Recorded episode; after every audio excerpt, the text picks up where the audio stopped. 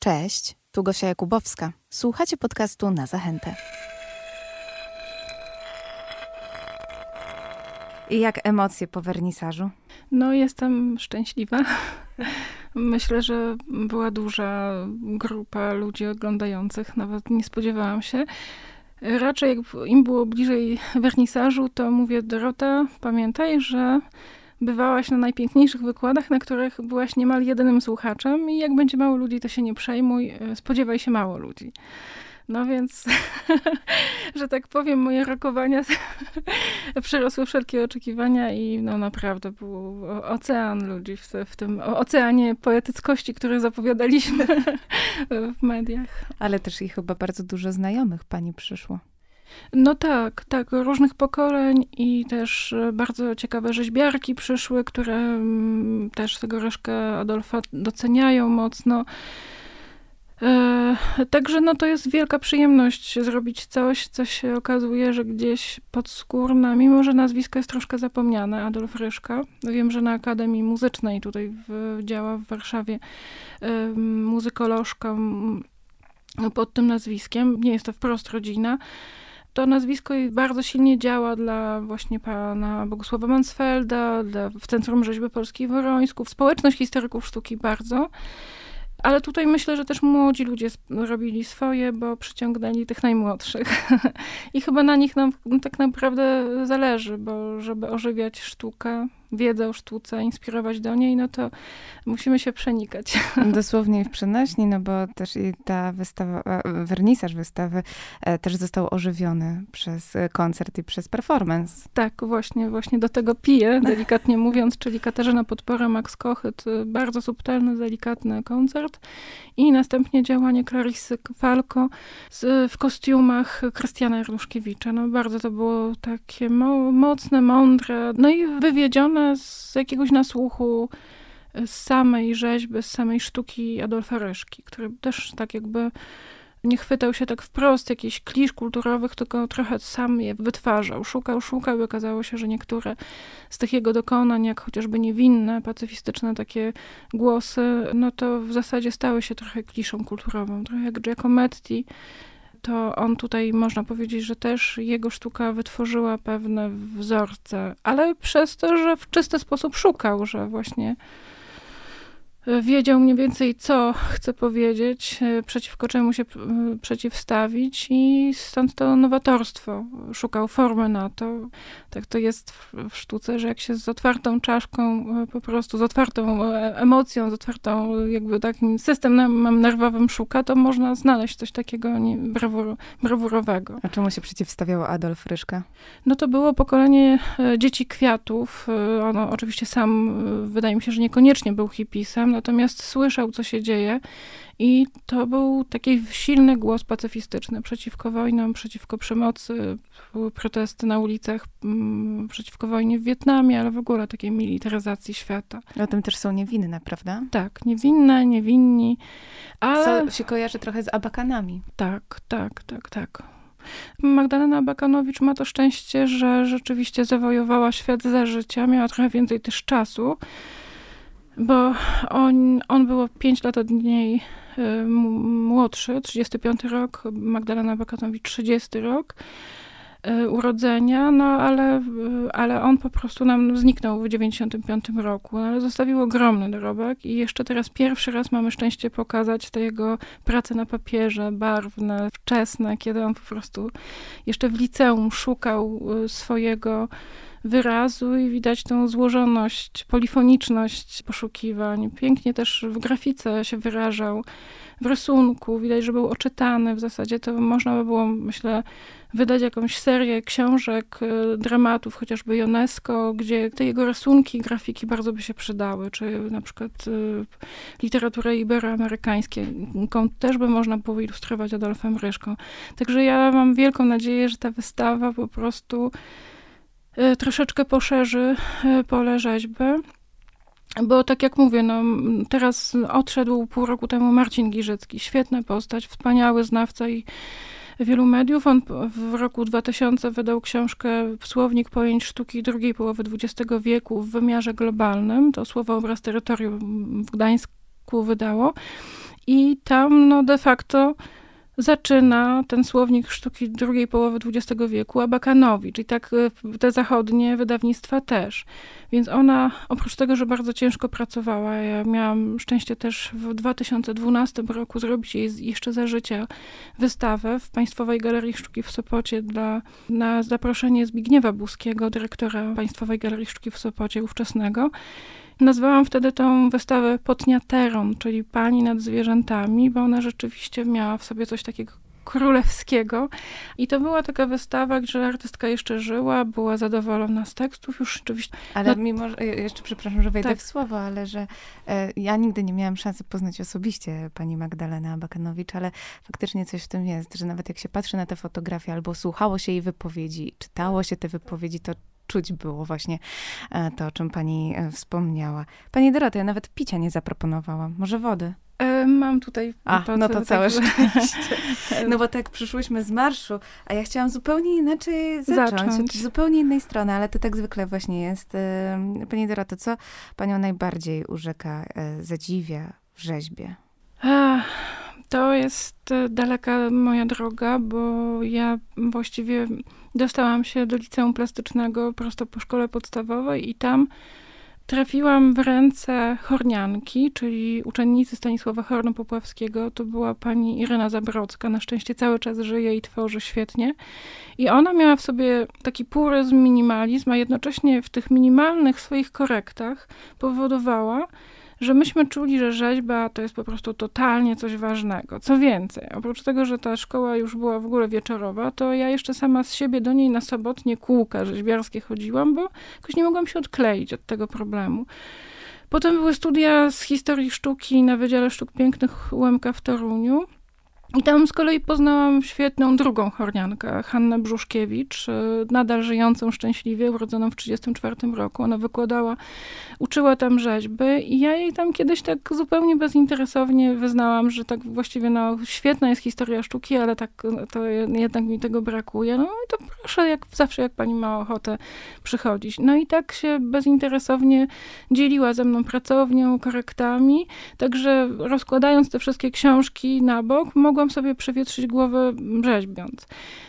I następnie na tyle to było silne, że u Macieja Szańkowskiego jeszcze zrobiłam drugi fakultet rzeźby, ale zauważam u siebie, że nie bardzo mi zależy. Zależy mi na doświadczeniu jakby kształtowania, ale nie robię tego za często, bo bardzo mnie pasjonują jak rasowego historyka sztuki, czy tam rasową historyczkę sztuki, te dokonania inne, natomiast zdaje się, że po prostu przez styczność, może inaczej je rozumie niż gdybym była historyczką sztuki taką stricte. No i zaczął się taki pochód doświadczeń. Pisałam pracę magisterską w efekcie o Stanisławie Horno-Popławskim, rzeźbiarzu, którego jeszcze poznałam właśnie na początku studiów. Horno prawie 95 lat, a był niezwykłą postacią, znaną, uznaną. W 62 roku był na Biennale Sztuki w Wenecji, wtedy kiedy y, Alberto Giacometti dostał najważniejszą nagrodę, najwyższą. Był pasjonatem, ale bardzo mnie urzekł. On właściwie wyglądał trochę jak taki Rabindranath z Tagore, taki poeta.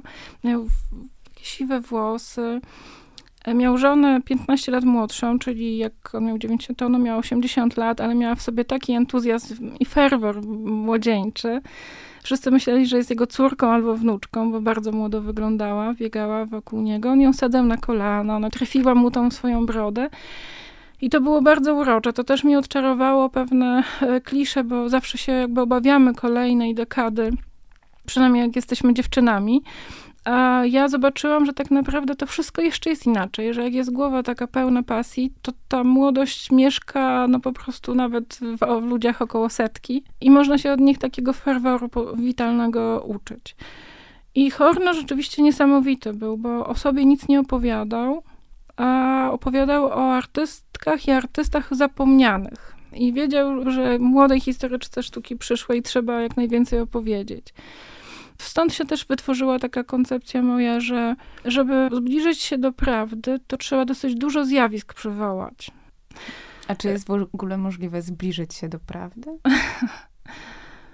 Nie, faktycznie nie ma, ale żeby wyświetlić jakąś reprezentację która jest jakimś bogactwem i możliwą wersją prawdy, to dobrze jest otoczyć to bogactwem e, autentycznych śladów, Emocji, przeżyć. Emocji, przeżyć i e, wydaje mi się, że bardzo ciekawe w ogóle zjawisko, jakie wystąpiło w kulturze, to była kontrkultura, czyli właśnie plus minus start schyłek lat 50., lata 60., gdyż e, było wiele fenomenalnych wydarzeń oddolnych i że w zasadzie jedna to jest e, sprawa krytyków sztuki, krytyczek sztuki, które mogą wytworzyć pewne mainstreamy, pewne takie fenomeny twardsze, które stają się dyskursem. I jest w sumie taka inżynieria, a często fascynująca inżynieria,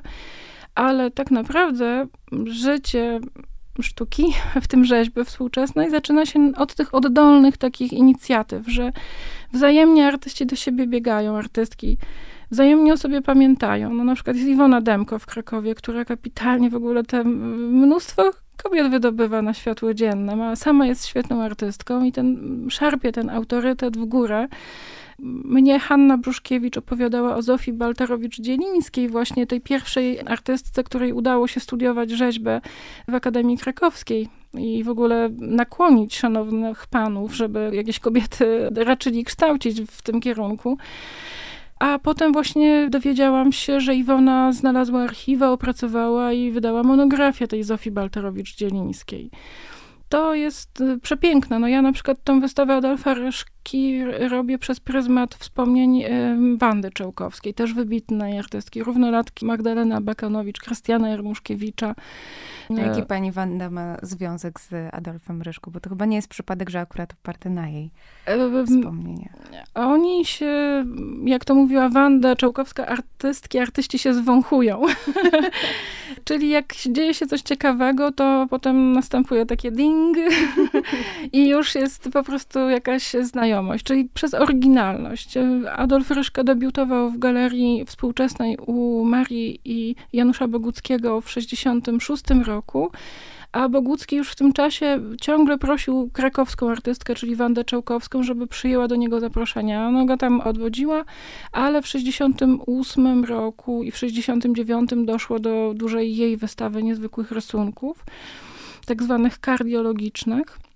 I oni się tam poznali, ona też znała Tadeusza Siekluckiego i umiała po prostu patrzeć na nich jako na bardzo utalentowanych artystów, i nastąpiła taka wzajemna troska, że Czełkowska z kolei e, traciła co i rusz e, w Krakowie pracownię. Była bardzo awangardową, wspaniałą osobowością i nie wiem, ci urzędnicy się tak jakby nią zabawiali. No, co ona sobie z własnych środków, z wolnej stopy wyremontowała powierzoną przestrzeń na pracownię, to za chwilę dostawała informację o eksmisji. Wtedy Adolf Ryszka właśnie do niej dzwonił z troską. No jest w tym jakiś dramat. Ogólnie i tak, no właściwie to sytuacja artystów y, w Polsce nie jest łatwa, bo jak ktoś nie ma stałego etatu gdzieś, to właściwie nie istnieje w prawach społecznych, nie ma ubezpieczenia. Jeszcze pani Wanda Czołkowska mówiła, że no, ona traciła te pracownie, ale tam sobie wpłacała niewielkie środki, odkładała jej się emerytura, była, mogła iść do lekarza, miała jakieś takie prawa obywatelskie. Teraz w Polsce w zasadzie nie ma tego, mimo że osoby bardziej introwertyczne, bardzo utalentowane, które nie są objęte jakimiś to są poza prawem de facto w Polsce. I bardzo mnie to boli. I tak w zasadzie myślę też o Adolfie Ryszce, że on się zawsze troszczył o tę Wandę. Czasy były ciężkie właśnie z uwagi na to, że tracili pracownię, że różne były okoliczności, że były opresje. No to nie był ciekawy system, prawda? Na przykład można było nie dostać pas paszportu, były zaproszenia za granicę, nie, nie, nie można było z tym wyjechać. Ale że czasy, w których żyjemy, w zasadzie, które ukróciły ten świetny jednak prawny przywilej, że drobne sumy odkładają się na emeryturę i że człowiek, który gdzieś tam kończy te około 80 lat, no co miesiąc dostaje elementarne środki, y, i że może sobie iść do lekarza, no to jest, to wydaje mi się, że powinniśmy jak najszybciej taką w ogóle debatę wokół y, miejsca artystów y, uruchomić, bo żyją wśród nas ludzie, którzy no po prostu, nie wiem, no ciągle są, są wybitni, mają mnóstwo nagród. Tak, no to jest w ogóle ogromny e, problem. Jak ja rozmawiałam z artystami, to często e, zdarzało się tak, że artyści decydowali się na wyjazd e, za granicę, bo tam były tak. programy i oni za to, że coś tworzą, no, normalnie mieli ubezpieczenie, normalnie tak, mają. Na przykład tak. w Danii tak jest. No a faktycznie u nas w Polsce jest takie przekonanie społeczne, jeżeli ktoś jest dalej trochę od tej sztuki, dalej od świata artystycznego, że artysta to powinien po prostu się spełniać poza swoją pracą, a przecież jego pracą jest jego twórczość, jego, jego talent. O to chodzi. Mm, więc e, to faktycznie jest zupełnie inna kwestia. Jednak bym bardziej chciała się skupić na pani i pani roli w całym e, tym zamieszaniu, które się teraz dzieje w Zachęcie, ponieważ jest to bardzo ważna wystawa, która trochę nas e, zmusza do tego, żeby zastanowić się nad postacią samego Adolfa Ryszki. Mm, gdzieś usłyszałam, że chodziło też trochę o zdemi... Żeby zdekonstruowanie zdekonstru- mitu. Tak, mhm. zdekonstruować mit. Dziękuję bardzo. Czasami się łatwo zaplątać. I w sumie dlaczego? Po co? E, to znaczy tak, e, mm, Adolf Ryszka e, zamieszkał w Warszawie, zaczął tutaj studia po Zakopiańskim Liceum Plastycznym i można powiedzieć, że faktycznie krytycy sztuki dosyć szybko zafascynowali się nim i pozwolili mu takimi siedmiomilowymi butami artystycznymi kroczyć po, po różnych miejscach świata. Tutaj kluczem jest fascynująca osobowość, czyli Barbara Zbrożyna, wybitna artystka, też wpływowa, która tu dostawała taki aplauz ze strony oddolnych y, grup artystycznych, bo ona w zasadzie, tak jak Ludmiła Stanowa, od lat 50. otwierała codziennie swoją pracownię, tam przy, przychodzili młodsi, starsi. To było miejsce jakby poza cenzurą, gdzie ludzie dojrzewali do pewnych poglądów, do pewnej żarliwości. Świetna postać. I ona wszędzie tam właśnie z tą Ludmiłą Stenową, ten cały tygiel się obracał. Ale przyjęła w końcu zaproszenie do Zakopanego i tam pojechała uczyć rzeźby. Tam natknęła się właśnie na Adolfa Ryszka i Macieja Szańkowskiego, Henryka Morela. Trzech takich, można powiedzieć, e, dantarianów sztuki współczesnej, fantastyczny. Szańkowski jest takim minimalistą. Henryk Morel e, bardzo tak mocno przeżywał świat. Stworzył taką bardzo oryginalną koncepcję rzeźby, gdzie łączył y, takie opony nadmuchane, nawiązanie do przemian cywilizacyjnych z takimi metalowymi, zakleszczającymi się formami. To było bardzo drapieżne w ogóle, jakby mocno badał, konteksty włączał psychologiczne, nawet psychiatryczne w, w rzeźbie. No i ten Adolf Ryszka, który też bardzo szybko w zasadzie wykazywał się taką wrażliwością socjologiczną i tworzył takie metafory sytuacji społecznych samotność, alienacja, depresja, defragmentacja. Były niesamowite prace z cyklu Zuzanna i Władza. To były takie zniuansowane, smukłe sylwetki kobiet, które zarazem były w przebogatych e, kolorach, czy tam linearnych e, e, środkach wyrazu wydobyte, ale de facto były, były to takie omarze dla wszystkich, nie wiem, ukamienowanych. W dziejach po prostu był to głos na rzecz kobiet bo też o tych ukamienowanych e, biblijnych różnych, e, nie tylko jest w skali globu tych doświadczeń bardzo dużo, więc to, że on się tym fascynował, w kuluarach był pogląd, że silna, wpływowa osoba umożliwiła karierę, ale kariera wzięła się z wielkiej pracowitości, wielkiej osobności, wizjonerstwa Adolfa Ryszki. I to nie jest tylko tak, że ktoś wpływowy nic nie dostaje. Po prostu jak kontakt z utalentowanymi osobami jest bardzo cenny.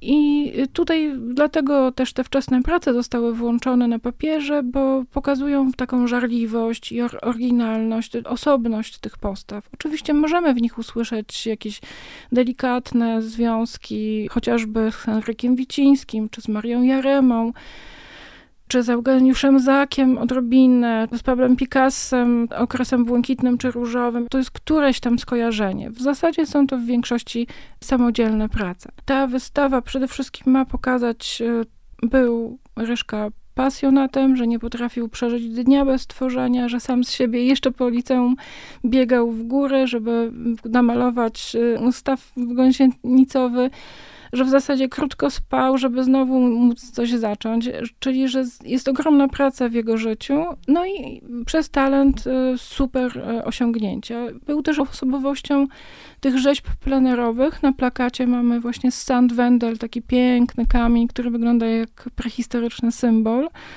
Wręcz jeszcze miał taki związek z, nie tylko z Jerzym Jarnuszkiewiczem, ale z Oskarem Hansenem. A Oskar Hansen był twórcą teorii formy otwartej i marzył w ogóle o tym, że by na kuli ziemskiej już się żadna wojna nigdy nie powtórzyła. Mówił, że y, antidotum na wojnę to jest postawa horyzontalna, że oto nie budujemy żadnych wieżowców, żadnych po prostu dominant, tylko budujemy relacje horyzontalne między sobą. Nawet jak blokowiska, to one powinny być organiczne i ogólnie udzielamy sobie wzajemnie, tak jak owady, po, pomocy. Tak jak to trochę jak w Bauhausie, prawda? Tak, mhm. tak. I y, te jego marzenia były też ocieplane taką, taką intuicją, że ludzie wzajemnie będą sobie udzielać pomocy, czyli że będziemy ograniczać y, niebezpieczeństwo wojen, będziemy stawiać na rozwój, wspólnota, wspólnotowość, na matriarchat, czyli że jakąś taką troskę w stronę życia. Bardzo się wściekał y, Hansen na realizację woli posiadania, czyli na takie y, po prostu gromadzenie. Chodziło mu o przeformułowanie głów, żeby ludzie po prostu chcieli dociekać się, rozwijać, a nie byli uzależnieni od y, zbieractwa, mnożenia, namnażania bogactw, jakiś nie wiadomo czego, tylko na takie po prostu życie spontaniczne, międzyobywatelskie. Taki właśnie też y, nigeryjski wybitny filozof kultury Achille Membe czyli Achilles. I on właśnie mówił o tym, że powinniśmy trochę jak Hansen sobie marzył, uskuteczniać etykę przechodnia, czyli że powinniśmy spontanicznie się sobą interesować. Nie, żeby zaraz się kochać, ale jak ktoś się po prostu przewróci na ulicy, to żeby sobie podać rękę. I żeby nie ulegać e, takiej nekropolityce, czyli żeby po prostu nie bać się i nie ulegać e, antagonizowaniu. I Hansenowi też na tym polega, e, zależało i Ryszka był jego takim duchowym uczniem. E, a może sam to też niósł w sobie, po prostu niezależnie, ale to, to są ładne obie te postawy.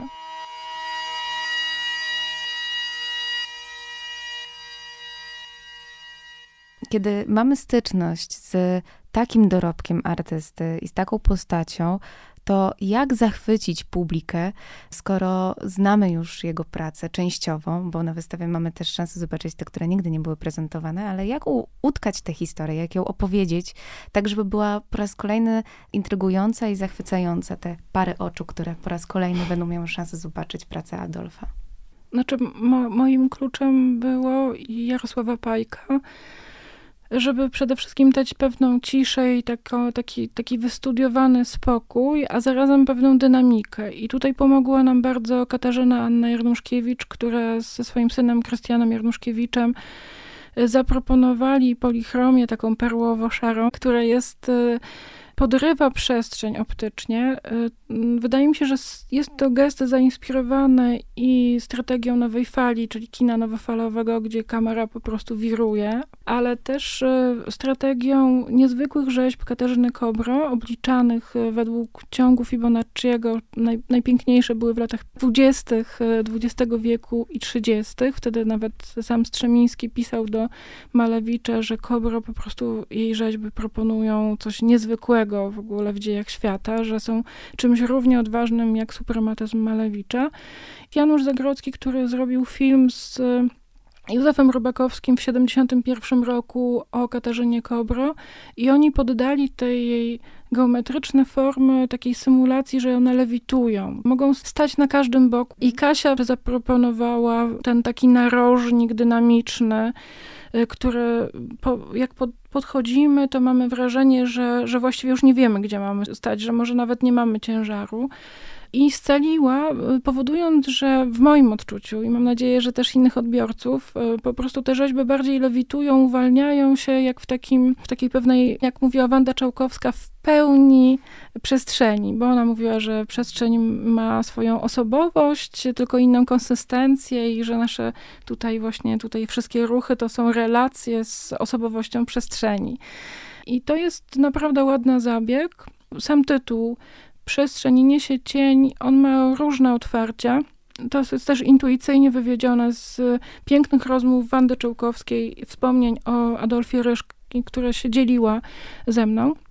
Też, no niestety, ponieważ żyjemy w czasie wojen w wymiarze globalnym, w tej wojnie teraz e, bardzo blisko, a też w innych sytuacjach, to ponieważ e, Ryszka jednak studiował indywidualne osoby, trochę jest ten cień w tytule metaforą e, relacji indywidualnego losu jakichś istot, niekoniecznie nawet ludzi, tylko istot, w stosunku do pewnej sytuacji społecznej, która jest w nieustannym metabolizmie i nawet wydaje nam się, że już jest nieźle, a potem się wszystko z dnia na dzień po prostu burzy. Nie mamy na to wpływu niestety. No i w zasadzie trudna jest ta zgoda na to, że, że ludzie znikają. I te niewinne właśnie tutaj są jakby takimi bohaterkami bardzo ważnymi.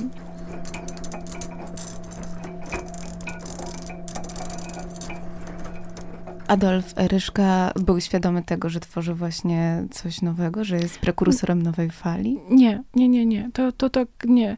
Ja byłam na bardzo... Nawet po czasie? Niejednokrotnie na pewno został tak określony za życia.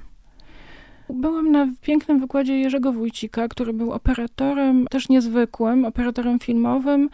Przyjechał do nas do Gdańska i właśnie opowiadał, że on na styku studiów y, i, i samodzielnego już takiego życia chwytał za kamerę i mówił, że y, artysta, przynajmniej w swoim imieniu, zawsze zaczyna od nowa. Nie może się przejmować tym, że coś mu się udało. Jakby ciągle musi skakać w coś nieznanego, zostawiać wszystkie grzebyki, y, wszystkie uwarunkowania za sobą.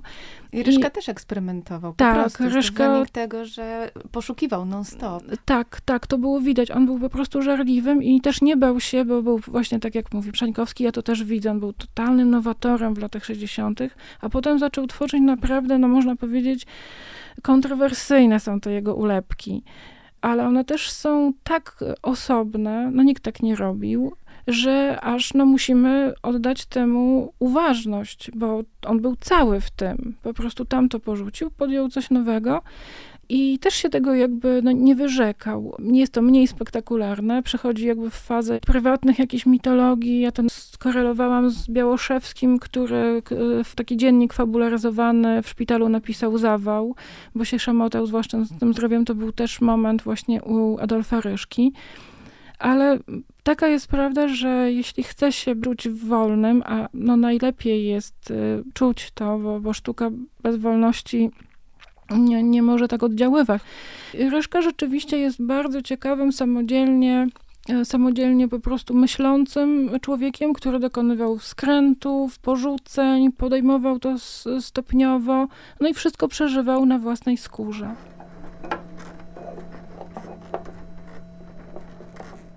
Co Ryszka powiedziałby o dzisiejszej rzeźbie? Myślę, że mógłby lubić sztukę feministyczną, mm, sztukę kobiet, bo sam wydaje mi się, że miał kobiecą duszę. To właśnie w tych wczesnych pracach e, barwnych e, widzę. Też jak portretował Barbarę z Brożyna, mamy takie piękne portrety, trzy, jeden jeszcze zmultiplikowany w brązie. Mi się wydaje, że on był admiratorem w ogóle sztuki kobiet to, że martwił się zawsze o Wandę Czołkowską, że traci pracownię i znowu jej czas, y, bezcenny czas, bo trzeba mieć czas, żeby wypracować kolejną nową pracę, to trzeba w to włożyć głowę, żeby powstała nowa kompozycja, że ubolewał, że się troszczył. Ja tego nie sprawdzę, bo nie zapytam, ale mam wrażenie, że Adolf Ryszka był wielkim przyjacielem artystek że w jego sztuce są e, pewne przesłanki, które przynajmniej ja słyszę, e, które są po stronie kobiet. E, że miał wiel wielkie serce do, też do starszych artystek od siebie, bo i Wanda, i Jasna Strzałkowska, i Barbara Zbrożyna, wszystkie były tam kilka lat od niego starsze. Podkreślał ich wartość i się o, nich o nie troszczył. A to wszystko było uszyte w cyklach Tak. Bo to wszystko znajdziemy w każdym cyklu Ryszki. Tak, tak. I też wiem, że był bardzo ciekawym e, pedagogiem, bo na przykład mamy w Toruniu fantastyczną artystkę, o której dłużej wystawię w Zachęcie Marza, to jest Katarzyna Adaszewska, która też łączy materiały trwałe, nietrwałe, jest super wizjonerską osobowością. No, działa w Toruniu, więc aż tak może nie jest widoczna, ale to jest jego wychowanica i, i naprawdę świetnie im się współpracowało.